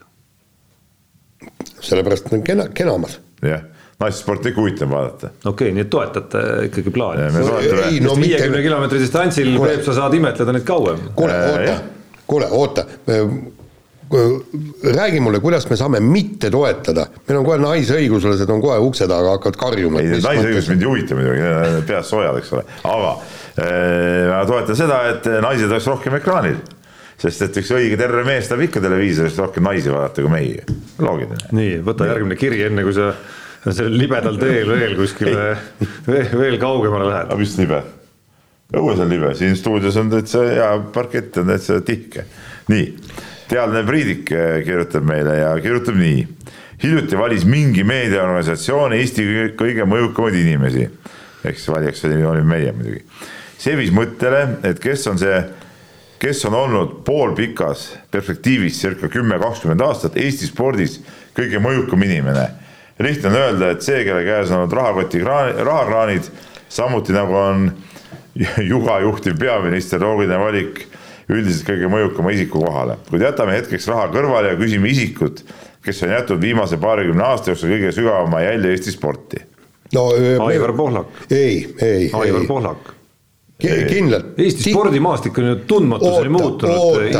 oota, oota, oota. jätame raha kõrvale. ei no Ei. seal ta mõtles eelkõige võib-olla seda, et kust riigi kraanidest, mis summad jooksevad. stopp, sa oled ühe inimese ära unustanud, Tiit Nuudi tema ju lõi selle praeguse spordisüsteemi, kus hakkas äh, olümpiakomiteele kõik, kõik need, kõik need asjad paika pandi ja sealt hakkaski, tema ju tegi tegelikult selle täieliku revolutsiooni. nojah, aga siin on- ja Tiit Nuudi jääb sellest ajapiirist aga välja. see, mismoodi on äh, nii-öelda jalgpall tulnud äh, mõjutanud Eesti, ma ei tea, seda, kus Eesti noored üldse trenni Ja, ei, teevad. ei, ma olen põhimõtteliselt ma sinuga nõus. last, kuidas teised, kõik teised alad on pidanud Ja. lähtuma sellest, mis võimekus on jalgpallil tänu oma toele erinevatest rahvusvahelistest organisatsioonidest äh, minna ja, ja seda noorte tööd üles ehitada süsteemselt, et see, see, ma arvan, et see on nagu sisuliselt ikkagi nagu muutnud Eesti sporti kõige rohkem ei, Peep, sa ma usun, tunned noorte treenerina ju, ei, koged seda juba ju. Ei, ma olen selles- ma- ma kümme aastat pean- tagasi meie saates hakkasid ju noh, nii-öelda nagu kurtma tegelikult, kui, kui nii-öelda kurjast sinu isiklikust vaatenurgast see on. ja ei, ma, ma olen, ma pean Tarmoga nõustuma, ei Pohlak on tegelikult kõige, kõige võimsam kuju olnud küll Eesti spordis, see on nagu, see on nagu fakt. jaa, aga kui me saame ajas veidikene tagasi minna, siis ikkagi Tiit Nuudi. Nuudi, Nuudi oli ka tore mees jah. ei, ei ta ei olnud lihtsalt tore mees, et tema lõi selle, kogu selle eh, nii-öelda, kui me jätame pallimängud välja, siis tema loodud on kogu see OK ja Eesti spordistruktuur, kus, kus medalivõitjad saavad, saavad toetusi ja kõik, kõik see. ma just eile jäin mõtlema sellele. mäletate, Erki Nool ju, Erki Noolel oli ju probleem, tema ei saanud ju seda eh, olümpiavõidu eest preemiat ja kõik, aga no okei okay,, see vist tuli hiljem no pandi sai seal pliiatseid ja kartuleid minu arust. Et äh, ma eile just jäin mõtlema sellele samale teemale ilma, ilma selle küsimuseta natukene. et ja, ja see sai ajendi sellest, et äh, sai kohtutud paari korvpalliinimesega ja muuhulgas tuli korraks juttu sellest, kuidas korvpalliliit äh, püüab siis äh, Eesti tüdrukute korvpalli kuidagi nagu noh, kuidagi siis nagu saada seal midagi nagu liikuma, on ju. ja noh, ma kujutan ette, kui keeruline see tegelikult nagu praktikas on, kuidas sa pead tekitama mingeid stiimuleid klubidele, et neil üldse oleks tüdrukute grupid ja, ja nii edasi, nii edasi, nii edasi. ja siis, ja siis see, kui seal esialgu seda stiimulit muidugi ei ole. ja, no esialgu ei ole, aga noh, noh, see ainus variant, kuidas üldse midagi tekiks, on see, et korvpalliliit peab neid stiimuleid nagu tekitama ja looma hakkama, on ju. ja siis hakkad mõtlema sellele, mida jalgpall on teinud siis selle kahekümne, kahekümne viie, kolmekümne aastaga, kuidas ta on jõudnud Eesti mis iganes kohtadesse, jõudnud, ma arvan, noh, mingites suht väikeste kohtade treenereid koolitada, teha nagu kõiki, kõiki selliseid tegevusi, on ju.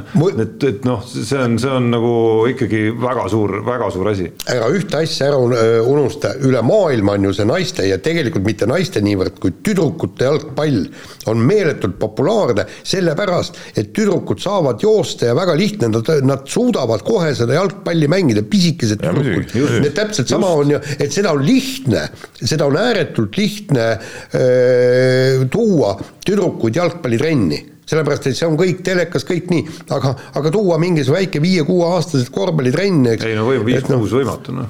no absoluutselt, aga, aga seal on ka kaheksa-üheksa on juba, juba keeruline, sellepärast et see vajab saali vär,, värki-särki, kõik, siis tuleb õppida põrgatama, mis võib-olla tüdrukutel ei tule niivõrd hästi kõik välja ja kõik, et selles mõttes on jalgpall on ideaalne ala ikka tüdrukute jaoks. Aga noh, selleks on pidanud äh, no ütleme siis Pohlaku juhtimisel äh, jalgpalliliit nagu tegema ka mingeid tegevusi, mitte lihtsalt nagu istuma ja ootama. ei no tegevus, tegevuseks, aga tal on olnud siiski ka piisavalt nagu mõjuvõimu igasugustes koridorides, et üldse neid asju nagu ellu viia, nii. aga võtame nüüd viimase asjana, võtame siis Marti kirja, mis nagu ühtlasi ühtib meie äh, kiire vahemängu viimase teema ehk Gerg Riisaga ja kiri on selline. et meil on palju kossumängijaid enne ja nüüd USA ülikoolides. aga kas ma arvan et Gerg Riisa on seal liigas esimene staar. ja, ja ta ei mõtle ainult mängutaset, vaid ka muu selline Instagram fännid, meeskonnakaaslaste hea läbisaamine ja nii edasi. tundub justkui, et NBA on talle loodud, kuidagi selline staari imago on olemas no.. no ma kahtlen, kas teda selle imago pärast nüüd võtma hakatakse NBA-sse, aga aga see, kuidas ta on mänginud, on muidugi väga sümpaatne viimasel ajal ja seal, no kuidas üldse terve see meeskond on mänginud no,. kuigi, kuigi sinna äh, mingi NBA mingi äh, skaut või asjatundja siin juba istus ka, et, et täna just hommikul vaatasin seda mingit uudist, et et äh, Kriisa koht on NBA-s, siis no ma ei tea, ma nüüd no,, ma nüüd nagu, lause... no, ma nüüd nii, nii taevasse küll ei tõuseks sealt, ütleme see lasteliigas mängimine esialgu, see ei ole veel nagu kõige suurem näitaja, et ma seda väga väga nii tõsiselt ei, ei veel ei võtaks. ma parandan nii palju, Peep, et või täiendan, et ta on näitaja, kui Gerg Riisa suudab tegelikult nagu sarnases, sarnaselt eda, A edasi areneda ja B mängidagi ja tassida, olla üks põhijõud NCAA tippmeeskonnas ja mitte nüüd paar kuud, vaid ikkagi nagu see hooaeg ja järgmine hooaeg ja siis on see tõesti potentsiaal olemas, aga enne tuleb need hooajad muidugi ära teha. no mis sa arvad, kui ta praegu oleks mõnes euroliiga klubis, kas ta oleks mängumees või? No siis peab olema küll väga sobilik nagu nii-öelda nagu koht tema jaoks sellises rollis, nagu oli näiteks Rokas Jokubaitis, kui ta oli Žalgirises nagu sai, sai nagu Jassikevitšuse all nagu nii-öelda nagu, nagu avanssiks natukene ja sai nagu tõusma hakata. selliseks nii-öelda nagu konkreetselt teda usaldava treeneri käe all tõusmiseks võiks ta olla suuteline küll. no aga aasta vanem Jakubaitis on Aga ikkagi selle... juba Euroliiga staar, võib ütelda, et seal on, ütleme, see nende tasemevahe on praegu ikka veel ikkagi suur, noh muidugi ma usun, et, et Kriisa ka näeb, on muidugi teinud vägeva hooaja alguses seal. ta kui sa aga, jälgid tema nagu tegutsemist. ma olen jälginud, ma olen vaadanud jah, jah, aga ütleme ikkagi see üliõpilasliiga, no minu jaoks nii palju kindlasti ei näita, kui, kui näitavad ikkagi need mängud, mis siin ütleme kuskil Euroliigas või, või sihukeses kohas tehakse aga see, mida küsija küsib siis selle nagu imago ja selles suhtes, see on küll huvitav küll, ma usun, et pooled eestlased või keskmine eestlane vaatab, et vau wow,, mis, mis asi see nüüd on, et see see ja see ei puuduta Kerri ainult, vaid see puudutab tervet seda satsi, et ma just eile vaatasin ühte intervjuud, mille Gerg Riisa andis, noh. esiteks väga ebaeestlaslik eh, nagu intervjueeritav tegelikult noh, see, kuidas ta räägib ja kui vabalt ja. ja mis väljenditega ja, ja noh, selline tõesti tüüp, kellele publik, kellesse publik väga lihtsalt saab nagu armuda, on ju. ja siis, ja siis on seal nagu eh, kogu selle Arizona satsi ümber on siis veel selline noh, kuidas öelda nad, nad on võtnud sellise suuna, kus nad on su-, kuidas ma ütlen, on sellised nagu ülevoolavalt enesekindlust täis oma kehakeeles ja žestides ja siis on sisendanud endale, et nad teevad seda nagu teadlikult selleks, et siis nad, siis neil on kohustus nagu väljakul nii-öelda nagu seda noh, nii-öelda nagu kinnitada ka, et nad on tegelikult ka nii head, kui nad nagu kuidagi selle kehakeelega mulje jätab, et sihuke nagu päris, päris äge, päris äge asi jälgida. no Ameerika värk, noh, ma ei, ma ütlen, ma seda Ameerika stiili ja sedasama, mida sa praegu kirjeldasid, mina seda nagu jälle omakorda väga. ei, ma ei saaks väga, öelda. nagu ei, ei vaimustu sellest, aga, aga kui see neid aitab ja kui see neid aitab ja nagu praegu näha on, et on aidanud, siis noh, siis miks ka mitte noh, aga, aga noh, see on sihuke jah ma ei saaks öelda, et ma selle fänn olen selles mõttes, et ma olen siin kritiseerinud varemgi neid, kes kuskil mängu ajal liiga vara hakkavad seal juba käsi viskama publiku suunas, kui mäng ei ole tehtud veel on ju. aga teisest küljest nagu show mõttes ja nagu etenduse mõttes noh, ja ilma, et peaks nagu vormelisi reegleid painutama hakkama, täiesti nagu tasuta kraam nii-öelda. nii, aga sellega on saade läbi ja kuulake meid järgmine kord. mehed ei nuta saate tõi sinuni Unibet, mängijatelt mängijatele